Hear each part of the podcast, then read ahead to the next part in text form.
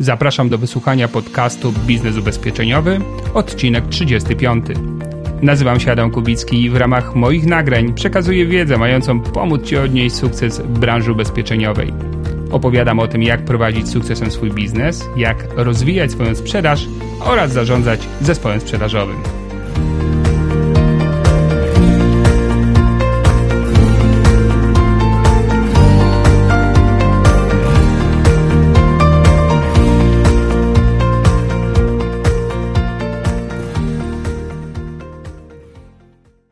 Dzień dobry, dzień dobry. Witam cię serdecznie w pierwszym odcinku poświątecznym. No, ciekaw jestem, jak minęły ci święta i jak radzisz sobie obecnie z wejściem znowu w tryby zawodowe. Dla mnie ten czas świąt jest przede wszystkim czasem wolnym, który staram się wykorzystać na bycie z rodziną i trochę na realizację moich własnych hobby, no bo w tygodniu tego czasu, takim klasycznym tygodniu mam bardzo, bardzo mało. No i pod kątem tych dwóch celów y, to bardzo te święta mi się udały, a jeszcze muszę podzielić się taką refleksją, że z moim synem obejrzeliśmy sobie dwa filmy, takie klasyki, mówię, pokażę, jak to kiedyś kręcono filmy. Pierwszy to Serpico, drugi dawno temu w Ameryce i naprawdę muszę przyznać, że kiedyś te filmy kręcono. Może mówię trochę już jak te takie dziadki, które mówią kiedyś za moich czasów, ale no naprawdę ciężko dzisiaj chyba znaleźć takiej jakości film sensacyjny czy gangsterski, jak właśnie te dwa filmy, te dwa wielkie, wielkie tytuły. Jak ktoś nie oglądał, polecam serdecznie Serpico i dawno temu w Ameryce. W jednym gra główną rolę Robert De Niro, w drugim Al Pacino, no i oczywiście to panowie z Wielkiej Trójki, trzeci do kolekcji Jack Nicholson i ta Wielka Trójka faktycznie nawet dzisiaj rządzi. A wracając właśnie do tego okresu świąt, to też chciałbym podzielić się pewnym fajnym doświadczeniem. Współpracuję z pewną agentką, ma na imię Asia i e, moim celem jest pomóc jej zwiększyć e, jej no, wolumeny sprzedażowe, obroty, zadowolenie z tego, co robi, a jej celem jest oczywiście osiągnąć ten, ten jej cel sprzedażowy. Umówiliśmy się na codzienny kontakt telefoniczny, na raz w tygodniu planowanie jej działań e, i później ten kontakt codzienny to taki mini raport, jak poszło, co poszło, co nie poszło i tak dalej. Oczywiście Asi to, że raportuje do mnie, czy że wymieniamy się codziennie w krótkiej rozmowie telefonicznej doświadczeniami, e, pomaga przede wszystkim się zmotywować, bo wie, że ktoś, kto mm, jakby razem z nią y, pomaga jej wejść na ten wyższy poziom, będzie no, codziennie czekał na tą informację zwrotną. E, no i podjęła Anna Jan, Jasia decyzję, że no cóż, że do Wielkiego Piątku z Wielkim Piątkiem włącznie będzie wykonywała telefony do potencjalnych klientów.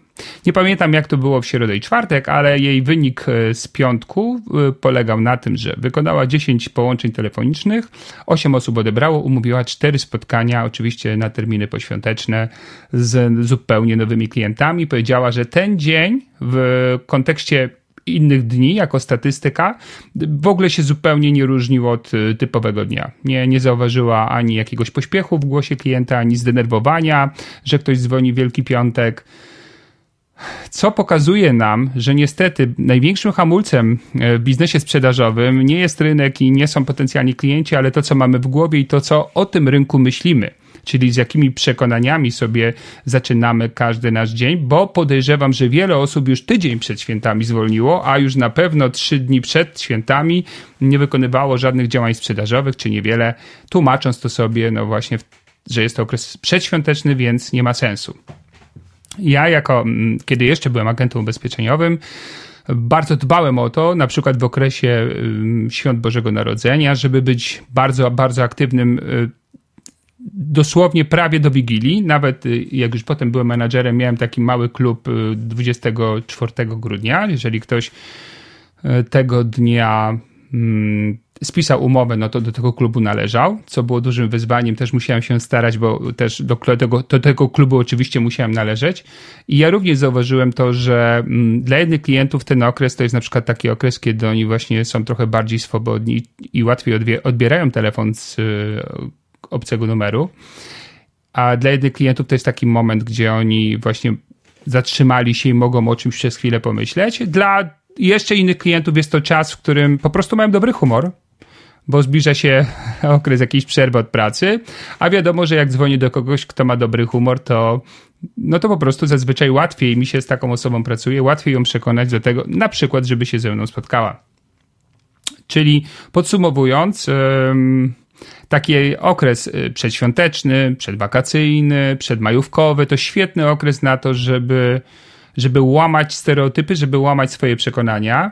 A pamiętaj, że to jest tak, że taka droga do rozwoju yy, i nie tylko zawodowego, ale ogólnie nawet prywatnego, to jest taki, takie coś, że yy, masz taki moment, w którym zaczyna ci się albo włączać się takie tłumaczenie, dobra, nie zrobię tego, ponieważ i tutaj jest to tłumaczenie, i to jest ten moment, w którym ty musisz zrobić ten chociaż jeden krok do przodu. Jeden krok więcej niż ci się na przykład dzisiaj chce, albo niż e, teoretycznie powinieneś go zrobić zgodnie właśnie z tą e, zasadą przedświąteczną. Ten jeden krok więcej, ta zasada jeden krok więcej, e, mnie bardzo w życiu pomogła i cały czas dbam o to, żeby kiedy czuję no po prostu, że mi się nie chce, to żeby powiedzieć sobie, ok, no to ten jeszcze jeden krok więcej zrobię, mimo że mi się nie chce. I oczywiście też mogę się przyznać, że do tego, że bardzo często to nie jest jeden krok, ale wykonuję tej pracy dużo więcej niż ten jeden krok. I, I w finale oczywiście pcham swój wózek życiowy do przodu. Także jeżeli ktoś e, chce się rozwijać, chce mm, wejść na wyższy poziom sprzedaży, nie wiem, na przykład uprawiania sportu, znajomości języka obcego, to w momencie, kiedy poczujesz niechęć do zrobienia tego kolejnego kroku, to jest właśnie ten moment, w którym chociażby ten jeden krok powinieneś zrobić. Jeżeli tak się stanie, no gwarantuję ci, że nie tylko pchniesz wózek do przodu, ale też i pojawią się pewne emocje w twojej głowie, takie jak zadowolenie czy satysfakcja, a te emocje utrwalą w tobie nawyk wykonywania właśnie takich dodatkowych, dodatkowych działań. No dobrze. Na tym wywód dotyczący świąt zakończmy, mój wywód, a teraz przejdźmy do tematu, tego podcastu, którym są podstawowe błędy sprzedażowe, czyli nie będziemy rozmawiali o tym, co robić, ale będziemy rozmawiali o tym, czego nie robić w kontaktach z klientami. Oczywiście tych błędów można byłoby wymieniać bardzo dużo. Ja skupię się na takich, może nie tyle, że najczęstszych, ale takich, które ostatnio mm, gdzieś tak krążyły wokół mnie, które wynikały z moich ostatnich doświadczeń kontaktu z osobami sprzedającymi lub e, doświadczeń wynikających z prowadzenia zajęć. I będzie to sześć błędów, a będziemy rozmawiali o tym dlatego, bo czasami warto na błędach się skupiać. Kiedyś zrobiono takie badanie, mm, to z tego co pamiętam dotyczyło Straży Pożarnej, a właściwie szkolenia osób, które zaczynają w tym zawodzie i zrobiono, czy podzielono ich, e, tych e, nowych strażaków na dwie grupy. W jednej grupie szkolenie po, oparte było na pokazywaniu właściwych sposobów działania i zachowań, a e, drugie było oparte na przykładach błędów, które doprowadzały do różnych nieciekawych historii. I po jakimś tam dłuższym czasie, kiedy badali efektywność y, właśnie tych działań nowych strażaków w akcjach, wyszło, że szkolenie oparte na przykładach błędów y, w sumie zadziałało na te osoby lepiej niż y, w przypadku tej grupy, która pracowała na, na dobrych przykładach. Być może dlatego, że mm, takie błędy zapadają bardziej w pamięć i bardziej się potem tych błędów wystrzegamy. Tego nie wiem, ale może to właśnie jest taki dowód na to, że raz na jakiś czas warto porozmawiać o tym, czego się nie powinno robić, a nie o tym, co robić się powinno. No dobrze, w, o jednym błędzie warto mówić cały, cały czas i w kółko o tym opowiadać, ponieważ błąd y, numer jeden to zła proporcja w mówieniu pomiędzy doradcą a klientem. I mimo, że można być w sprzedaży bardzo, bardzo wiele lat, Zazwyczaj osoba sprzedająca jest osobą ekstrawertyczną, otwartą na innych ludzi, a więc i z natury dużo mówiącą. Są wyjątki od tej reguły. To prawda, poznałem liderów o niesamowitych wynikach sprzedażowych, którzy z natury są osobami milczącymi i oni tego problemu gadulstwa nie mieli. Z natury rzeczy po prostu mówili mniej, a więc e, również budzili zaufanie klienta szybciej, szybciej dochodzili z klientem do wniosków jakichś e, konkretniejszych niż jak to się dzieje u gadu. A więc e, ta zasada numer jeden, czy właściwie błąd numer pierwszy, za dużo gadania. Jest za dużo gadania w rozmowach z klientami. Proporcje 80 do 20, maks 70 do 30, które powinny być zachowane, oczywiście 70-80% po stronie klienta, 20-30 po stronie doradcy, jest naprawdę bardzo trudno uzyskać. Dlatego, że jeżeli masz naturę osoby gadającej się, to to gada, gadulstwo ci się po prostu włącza. I jedyną metodą na to jest y, mieć dobrze mm, przygotowany model rozmowy z klientem, taki nauczony model, czyli nie, nie biegać na tym spotkaniu, w tej komunikacji, nie biegać w cudzysłowiu, e, w tej rozmowie po prostu tak jak konik na polu, tak, sobie biega i nie wiadomo gdzie biegnie, bo jest taki radosny, ale jednak cały czas kontrolować to, na jakim etapie tego spotkania jestem, jaki mam ten model, z jakich etapów się tych składa i tych etapów się po prostu pilnować. A druga rzecz, która może pomóc, to, to taka czujność e, na spotkaniu i obserwowanie drugiej strony. Jeżeli włączy ci się zbyt duża ilość mówienia, zazwyczaj widać to dosyć szybko po twarzy klienta.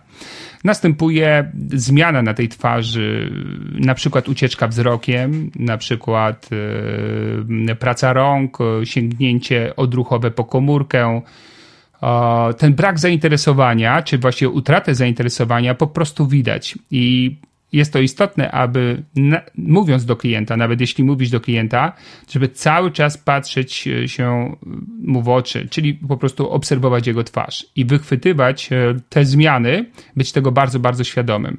Właśnie mówię o tym, bo ostatnio na ćwiczeniach e, rozmów handlowych zdarzyło mi się zaobserwować u kilku doradców taką dziwną specyfikę właściwość ich mówienia. Kiedy mówią do klienta, nie patrzą na niego, tylko gdzieś błądzą wzrokiem. Nie wiem, z czego to się brało i w sumie nie ma sensu tego analizować, ale taka osoba, która robi w ten sposób, y, nie ma tego non-stop kontaktu wzrokowego z klientem, istnieje ryzyko, że zgubi atencję klienta. No i efekt będzie taki oczywiście, że mm, jak już zgubimy zainteresowanie klienta, bardzo trudno je odzyskać.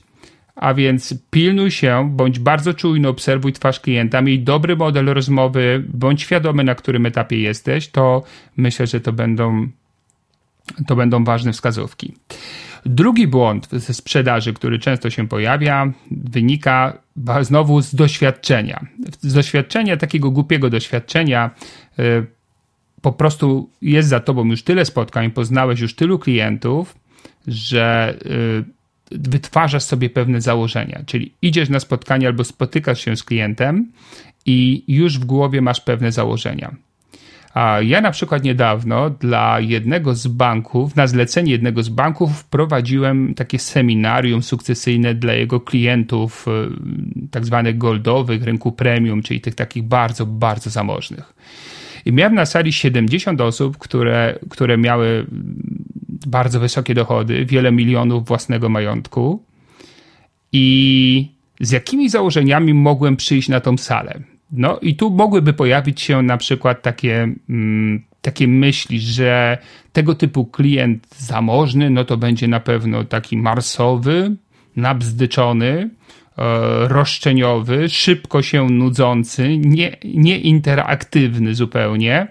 Mm, a właściwie gdzie taki klient w ogóle przyjdzie na salę, umówmy się. No i okazało się, że na sali było no, kilkadziesiąt, między 50 a 70 osób.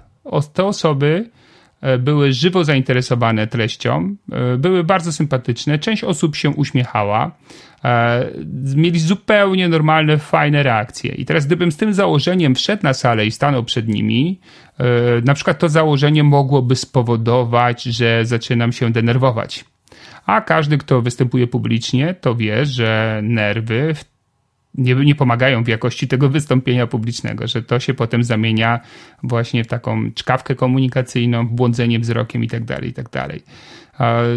Ale ja zawsze czy prawie zawsze, no może czasami nie łapię się na tym, że robię te założenia, ale zawsze staram się e, podchodzić do każdego spotkania z klientem na e, zasadzie punktu zerowego. Nawet jeżeli coś wiem o kliencie, nawet jeżeli mam jakiś bagaż doświadczeń, kontaktów z nim, za każdym razem zeruję to i na spotkaniu y, staram się traktować to spotkanie jak czystą kartkę papieru i zapisujemy wszystko od nowa, bo ludzie też się zmieniają i bywa tak, że to jakie postawy czy zachowania miał klient rok czy dwa lata temu, dzisiaj może to wyglądać zupełnie inaczej, bo mu się zmieniły przekonania albo doświadczenia go czegoś nauczyły.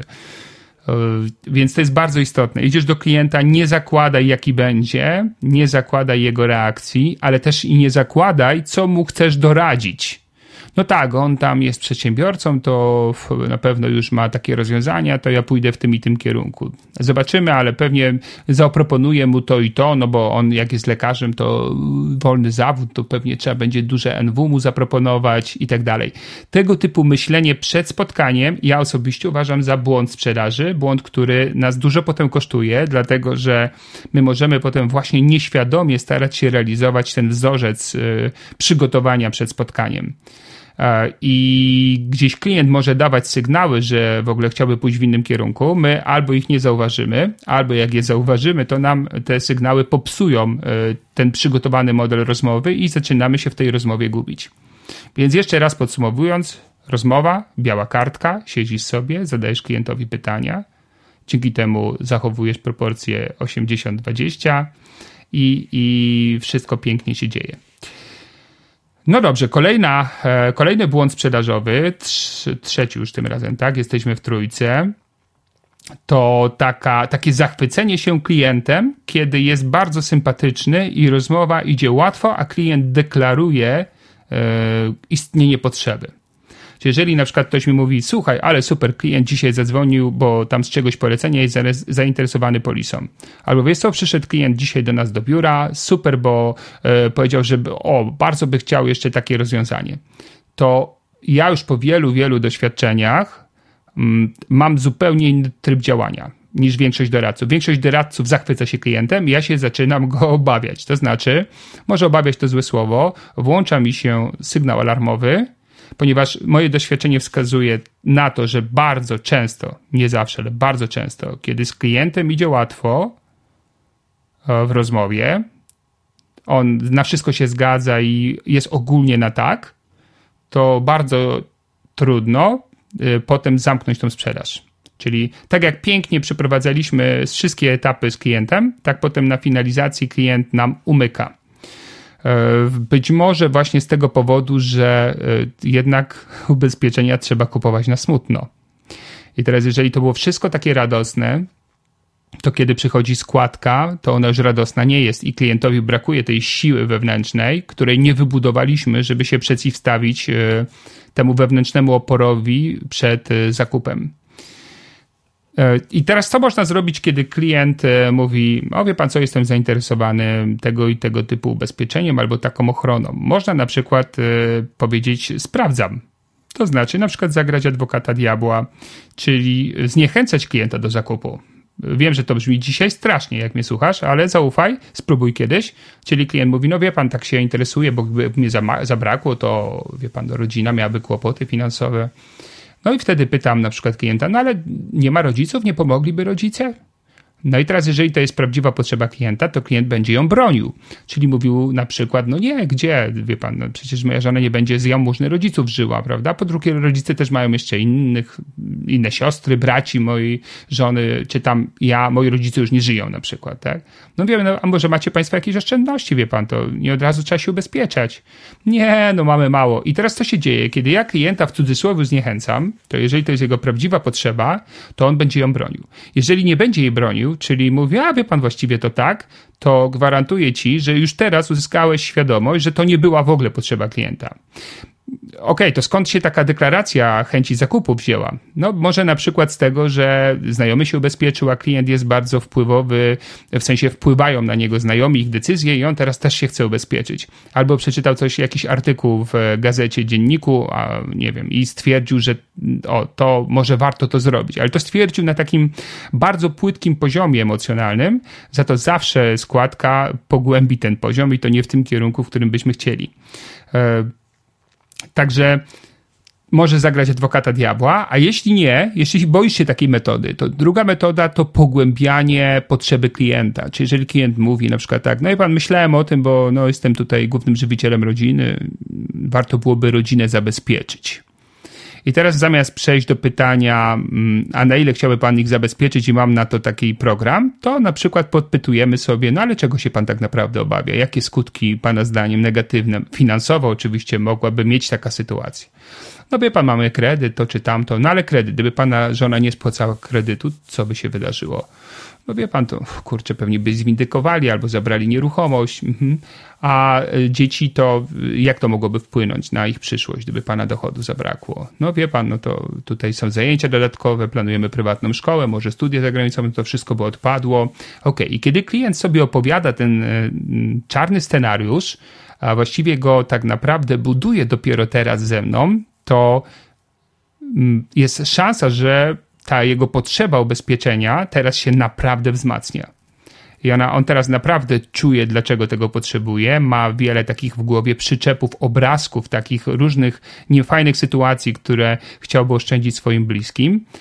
E, no i właśnie wskutek tego jest szansa, że potem jak pójdziemy o krok dalej, to uda nam się z tym klientem, czy właściwie tego klienta doprowadzić do samego, do samego końca. To, dzieje, to tak samo dzieje się w majątku. Jak ktoś mówi w majątku o klient, że chciałby coś tam zrobić, e, to wielu na przykład agentów mówi, no i wiesz co, on tak chciał, chciał, ja mu coś tam dałem, warunki ogólne, ulotkę, potem dzwonię do niego, on nie odpowiada, a chciał to zrobić. No właśnie, to dlaczego, skoro tak bardzo chciał?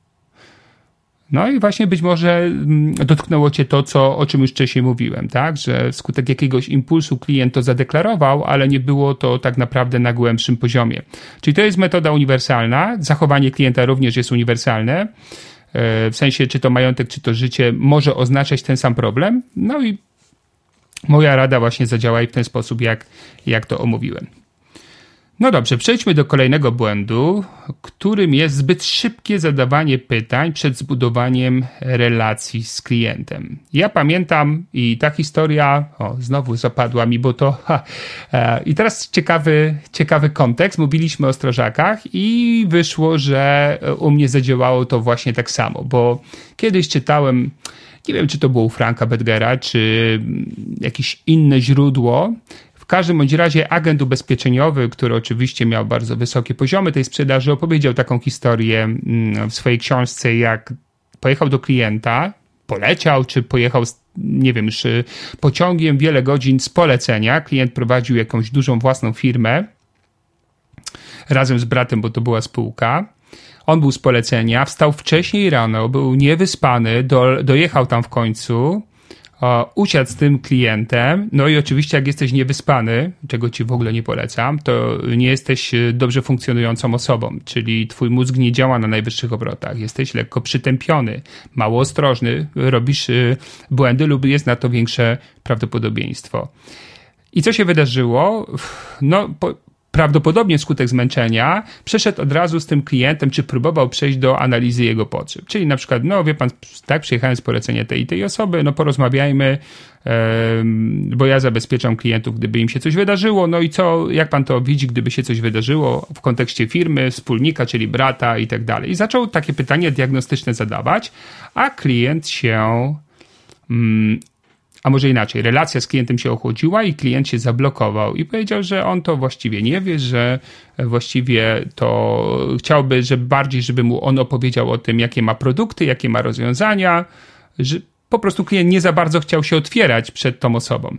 No i ten agent szybko się zorientował w czym rzecz, że mm, przeszedł do pytań, a nie zbudował wcześniej relacji pozasprzedażowej i wycofał się z tych pytań.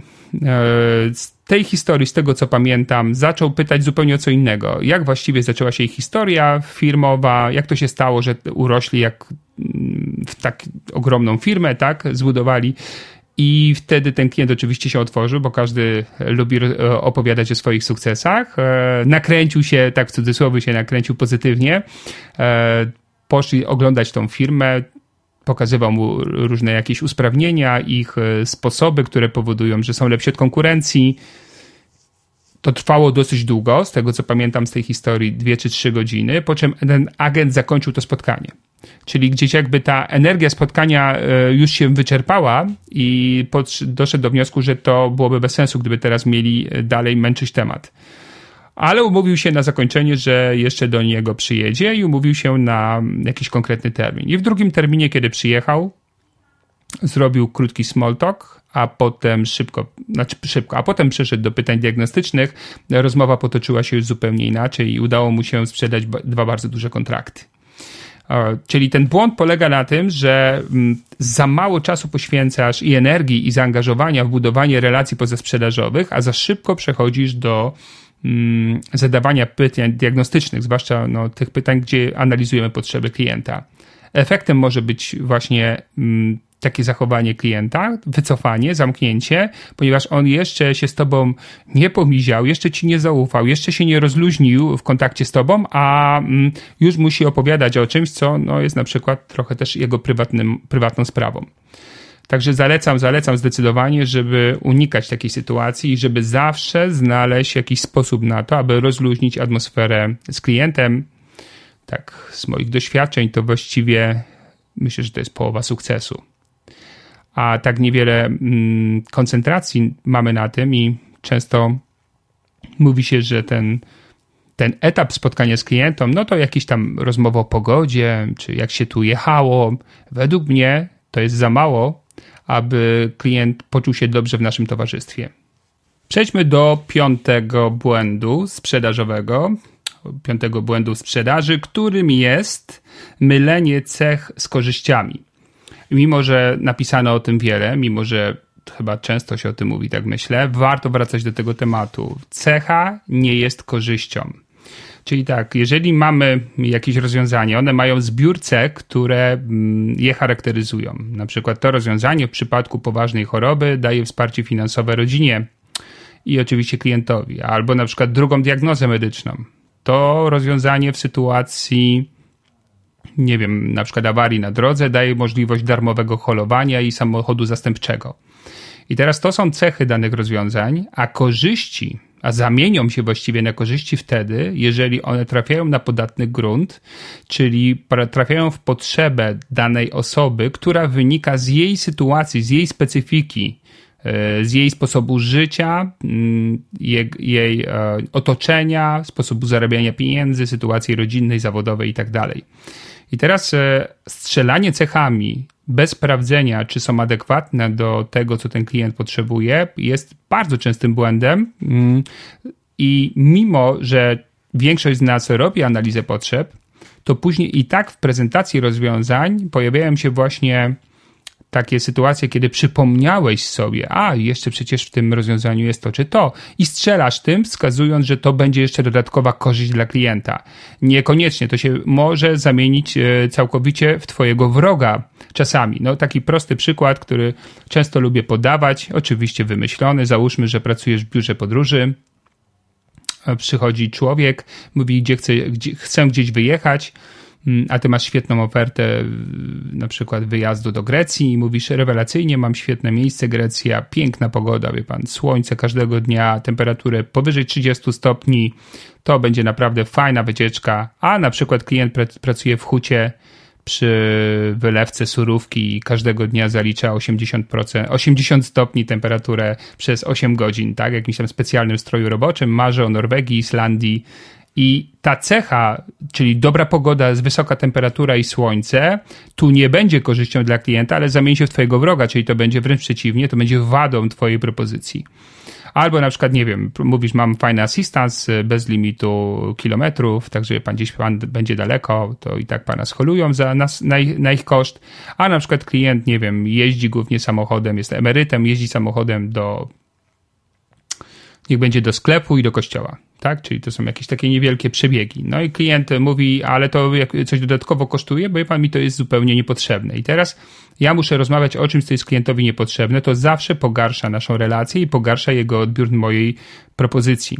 Albo na przykład y, mam dla pana propozycję w przypadku poważnej choroby, to proponujemy u superfachowców y, drugą diagnozę, która potwierdzi. A na przykład klient jest e, z środowiska lekarskiego, ma szerokie kontakty e, w różnych dziedzinach medycznych, tak? I mówi, nie, dziękuję, pan co u mnie, ja sobie drugą czy trzecią, nawet piątą diagnozę załatwiam bez problemu. E, no i teraz właśnie to jest takie proponowanie bez sprawdzenia. Zupełnie mm, niefajne to jest, nie pomaga nam, obniża naszą wiarygodność, jakość, profesjonalizm i skuteczność sprzedażową, a przede wszystkim przecież o to nam chodzi. Co to oznacza, że jeżeli chcesz sprawdzić, czy dana cecha jest adekwatna, to po prostu zadaj pytanie klientowi, które, dzięki któremu zorientujesz się właśnie, jak on funkcjonuje. I wtedy będziesz wiedział, czy, czy mógł założyć, ale tutaj w takim dobrym rozumieniu, że u tej osoby to może być zupełnie zbędny element, czyli jeżeli spytam tego pana, tak, czy zdarzają się panu dalsze podróże samochodem, on mówi, pan co, ja nie, ja mam taką już mam swoje lata, wie pan, mam wiek, e, ja przy dłuższych podróżach męczę się, coś się dzieje z moim wzrokiem, więc jeżdżę tylko na krótko, a jeżeli gdzieś wyjeżdżam dalej, to, to korzystam z transportu publicznego albo lotniczego, czy kolejowego i tak dalej. Aha, no okej. Okay. No to w tym momencie po co będę mówił, że holowanie bez kilometrów, w sumie to wyjdę na idiotę. Tak jakby w ogóle nie słuchał, co ten człowiek do mnie mówi. Więc te pytania diagnostyczne tutaj mi bardzo pomogą, bo będę wiedział, jaki zbiór cech danego produktu będzie prawdziwymi korzyściami dla danego klienta i tylko o nich będę mówił. I teraz e, to może być tak. Dobra prezentacja charakteryzuje się tym, że pojawiają się tam takie sformułowania, jak na przykład, z tego co pamiętam, ważne, byłoby dla, ważne było dla pana to i to. I dlatego w tym ubezpieczeniu jest to i to. Albo z tego, co pamiętam, wspominał pan, że tego pan nie ma, albo tu jest to panu niepotrzebne i świetnie, bo tutaj akurat to jest tego wyjęte.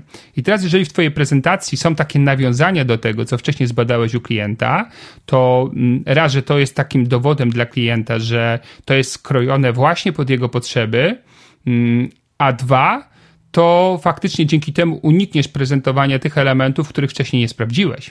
I tak może wyjść w trakcie tej prezentacji, że sobie zdasz sprawę, kurczę, a jeszcze nie sprawdziłem, czy to by mu się przydało, czy to byłoby dla niego korzyść.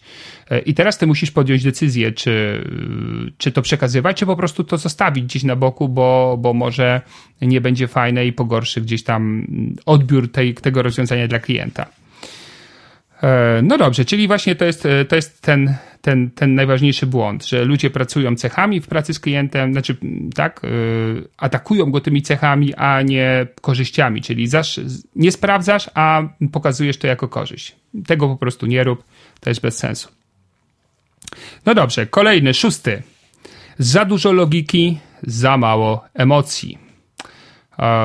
Yy, no bo co to znaczy za dużo logiki? No to jest tak, że jeżeli ja się skupię z klientem na analizowaniu jego potrzeby w takim czysto matematycznym ujęciu, ile jest mu potrzebne w takiej sytuacji, na jakim zakresie, o, przeliczmy, jakie problemy finansowe, w jakiej skali by się pojawiły i skupię się na tej matematyce i na analizie, to oczywiście od strony logiki y, pobudzę zrozumienie klienta, dlaczego dane rozwiązanie jest mu potrzebne, ale jakie, albo jakie ma problemy. Ale pamiętaj, że potem zawsze zderzysz się ze składką. I dlatego oprócz tego e, trzeba dołożyć ten czynnik emocjonalny. I ten czynnik emocja, emocjonalny to nic innego jak wybudowanie w głowie klienta takich małych obrazków, sytuacji, w których coś się dzieje i to ubezpieczenie jest mu niezbędne. I jeżeli tego nie zrobisz, a można to zrobić na dwa sposoby, albo podajesz to, przykładami pracujesz, czyli mówisz, wie pan co, miałem ostatnio klienta, który miał taką i taką sytuację i no, na przykład miał ubezpieczenie i pomogło mu w tym, albo nie miał ubezpieczenia i się okazało, że jest e, taka i taka lipa.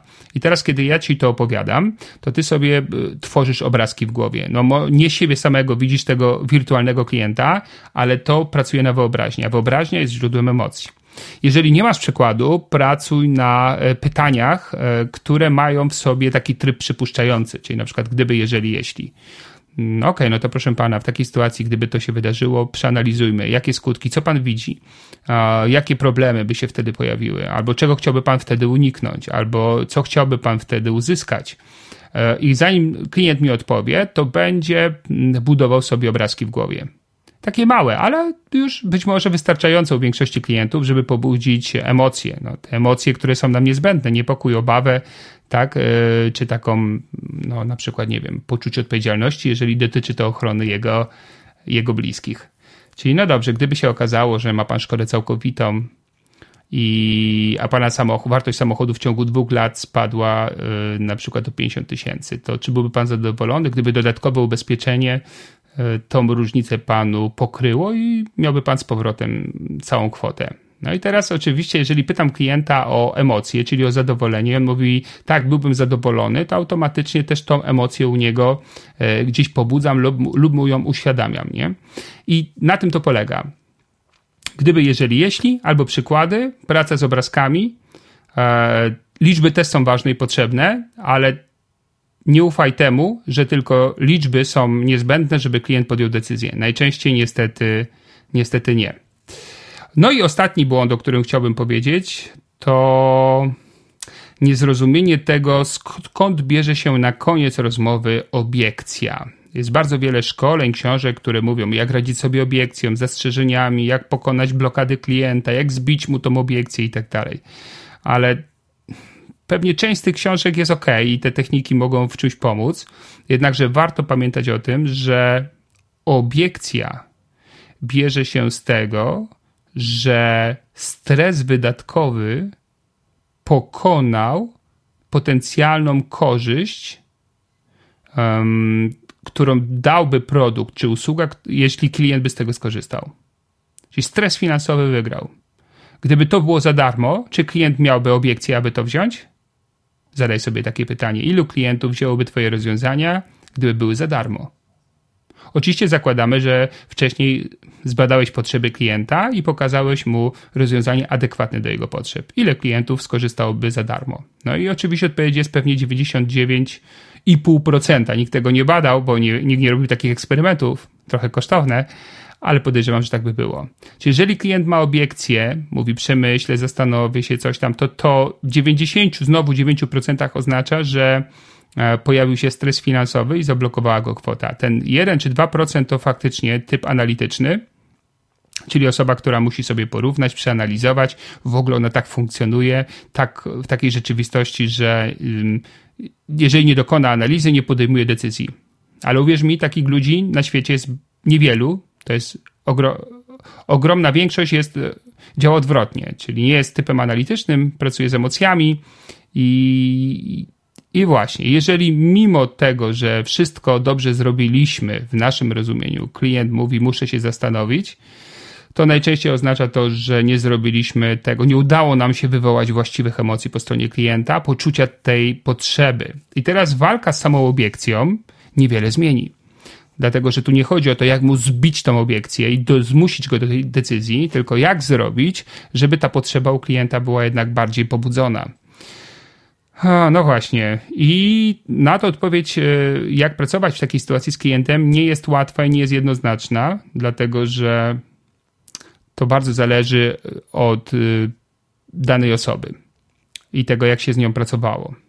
Możesz na przykład spróbować wrócić do potrzeb. Kiedy mówi, muszę się zastanowić, ok, to wróćmy do potrzeb, przemyślmy, to gdyby zdarzyła się taka sytuacja, czy wtedy, musi się pan zastanowić, czy wtedy byłoby potrzebne panu wsparcie finansowe. No nie. A jak pan patrzy na poziom tego wsparcia versus składka, która jest do zapłacenia, czy tu pana coś blokuje, tak jak pan patrzy na te dwie liczby, tak, że w razie czego 300 tysięcy firma wypłaca 100 czy tam 50, a składka kosztuje tyle i tyle. Czyli jakby trochę poszukuje tymi pytaniami tego źródła mm, wewnętrznego oporu klienta, bo to nie jest opór na mnie, tylko to jest wewnętrzny dialog. Jedna rzecz, jedna strona mówi, OK, zrób to, potrzebujesz, druga mówi o nie dzisiaj, bo to jednak kosztuje, a dzisiaj masz tyle wydatków. I jeżeli ja nie pobudzę tej potrzeby albo nie znajdę tego źródła problemu, no to tak będę strzelał w ciemno. A jeżeli wypuszczę z rąk klienta a, z takim hasłem, ja się zastanowię i nic dalej z tym nie zrobię, to moje szanse na zawarcie z nim później umowy są już mega niewielkie bardzo niewielkie. No to tylko ten typ analityczny wraca, tak, bo przeanalizował i czasami niektórzy, ponieważ jakieś doświadczenia się pojawiły w ich rzeczywistości, one wykonały za nas robotę. Czyli to, co ja powinienem zrobić na spotkaniu, to to doświadczenie zrobiło za mnie i go na przykład, nie wiem, wystraszyło. Um, także wracając jakby do tego, co ty możesz zrobić na spotkaniu, wróć do potrzeb popytaj, czy jak klient mówi, zastanowię się, czy trzeba zastanawiać się, czy, czy jest dla niego wartością to i to, czy byłoby dla niego ważne tamto i tamto, czy mm, jest dla niego istotne, czy nad tym musi się zastanawiać, czy na przykład na emeryturze chciałby mieć dodatkowy dochód. No, jeżeli wszystko dobrze poszło, klient powie, no nie. A czy musi się pan zastanawiać nad tym, e, że jak pan nic nie zrobi, to sam ten dochód ZUS-u będzie no, żenująco mały i nie da się z niego wyżyć. No nie, nad tym też nie muszę się zastanawiać. To czy jest coś ważniejszego dzisiaj od y, pana bezpieczeństwa finansowego na emeryturze, co uniemożliwiałoby panu podjęcie decyzji? Zobacz, jest taki prosty mechanizm, stosowałem go wielokrotnie. Czyli najpierw pytam o potrzebę, czy on musi się nad nią zastanowić, e, wzmacniam tą potrzebę w nim, a potem pytam klienta, czy w takim razie jest coś dziś ważniejszego od tej potrzeby, co uniemożliwiałoby mu podjęcie decyzji. Czyli na przykład, czy musi się pan zastanawiać nad tym, czy mm, chciałby pan, aby w sytuacji jakiegoś zdarzenia losowego mm, pana majątek firmowy został odtworzony, na przykład, nie wiem, pożaru albo kradzieży. No nie, a czy musi się pan zastanawiać nad tym, czy ten majątek jest dla pana ważnym elementem pana biznesu? No też nie. To czy jest coś ważniejszego od tego, aby mieć stabilny biznes, niezależnie od tego, co się losowo dzieje, co dzisiaj uniemożliwiałoby panu podjęcie decyzji? Albo czy musi się pan zastanawiać nad tym, czy pana rodzina miałaby kłopoty finansowe, gdyby pana zabrakło? No nie. A czy nad tym, że na takie ryzyko, na przykład śmierci, jest pan narażony? No też nie. To czy jest coś ważniejszego od bezpieczeństwa pana bliskich, co dzisiaj uniemożliwiałoby panu podjęcie decyzji? No i teraz ten prosty mechanizm, bo technicznie to jest proste, trzeba się tylko nauczyć i mieć trochę sprawności, no bo przeskakujemy na różne tematy ubezpieczeniowe. Często pomógł mi doprowadzić klienta do decyzji w sytuacji, kiedy jedynym źródłem oporu był stres finansowy, czyli to właśnie, że się pojawiła składka i że go to trochę zablokowało. Więc mam nadzieję, że też e, podoba Ci się ta metoda, że chcesz ją spróbować. Ja gwarantuję Ci, że ona u części klientów zadziała bardzo pozytywnie. U części może nie zadziałać, bo na przykład stres może być jednak zbyt duży, albo klient deklarował potrzebę, ale tak naprawdę gdzieś w środku to nie jest dla niego najważniejsze to, o czym rozmawialiśmy. OK, no to co, podsumowując, mieliśmy 7 e, błędów sprzedażowych. Zastanów się nad tym, jak to wygląda u Ciebie, jak pracujesz z klientem, które z tych błędów się pojawiają i staraj się je eliminować i wprowadzać właściwe praktyki, które e, tą Twoją skuteczność oczywiście Ci zwiększą. Pamiętaj, nie martw się, że rozmawiamy o błędach. Praca na błędach, na przykładach e, tego, co nie należy robić, też czasami się przydaje i ma swoją wartość. W takim razie bardzo Ci dziękuję za to, że byłeś ze mną przez tak długi czas mojego monologu. Mam nadzieję, że nie gadałem za dużo. No niestety przy tej konwencji nie da się zadawać pytań. E, może inaczej, pytania mógłbym zadawać gorzej z odpowiedzią. Ale jeżeli ty masz do mnie jakieś pytania, to oczywiście zapraszam cię do komentowania, do kontaktu przez Facebooka, mm, do bycia ze mną i do tego, abyś się nie bał tego kontaktu i nie bał tych pytań zadawania. Jestem dla wszystkich osób, które są zainteresowane rozwojem. Pamiętasz przykład Asi, której pomagam znieść się na wyżyny sprzedażowe. A, a propos Asi, to też fajna rzecz, ponieważ Mm, Asia wyraziła zgodę, abym jej przykład rozwoju zawodowego w każdym odcinku podcastu i na grupie Biznes Ubezpieczeniowy omawiał i pokazywał co tydzień jej e, progres, jej wyniki, e, czyli z jakiego punktu startowego mm, zaczęliśmy, gdzie jest teraz, co robi i jakie efekty jej to przynosi. Jeszcze raz wielkie dzięki. Życzę wielu sukcesów, życzę szybkiego pozbierania się po świętach, wykorzystania dwóch dni przed majówką zgodnie z zasadą, o której mówiłem wcześniej, to będzie dla Ciebie być może pierwszy test na to e, właśnie, czy jestem w stanie zrobić o ten jeden krok więcej. Ja oczywiście trzymam kciuki, żeby się udało i do usłyszenia do następnego odcinka.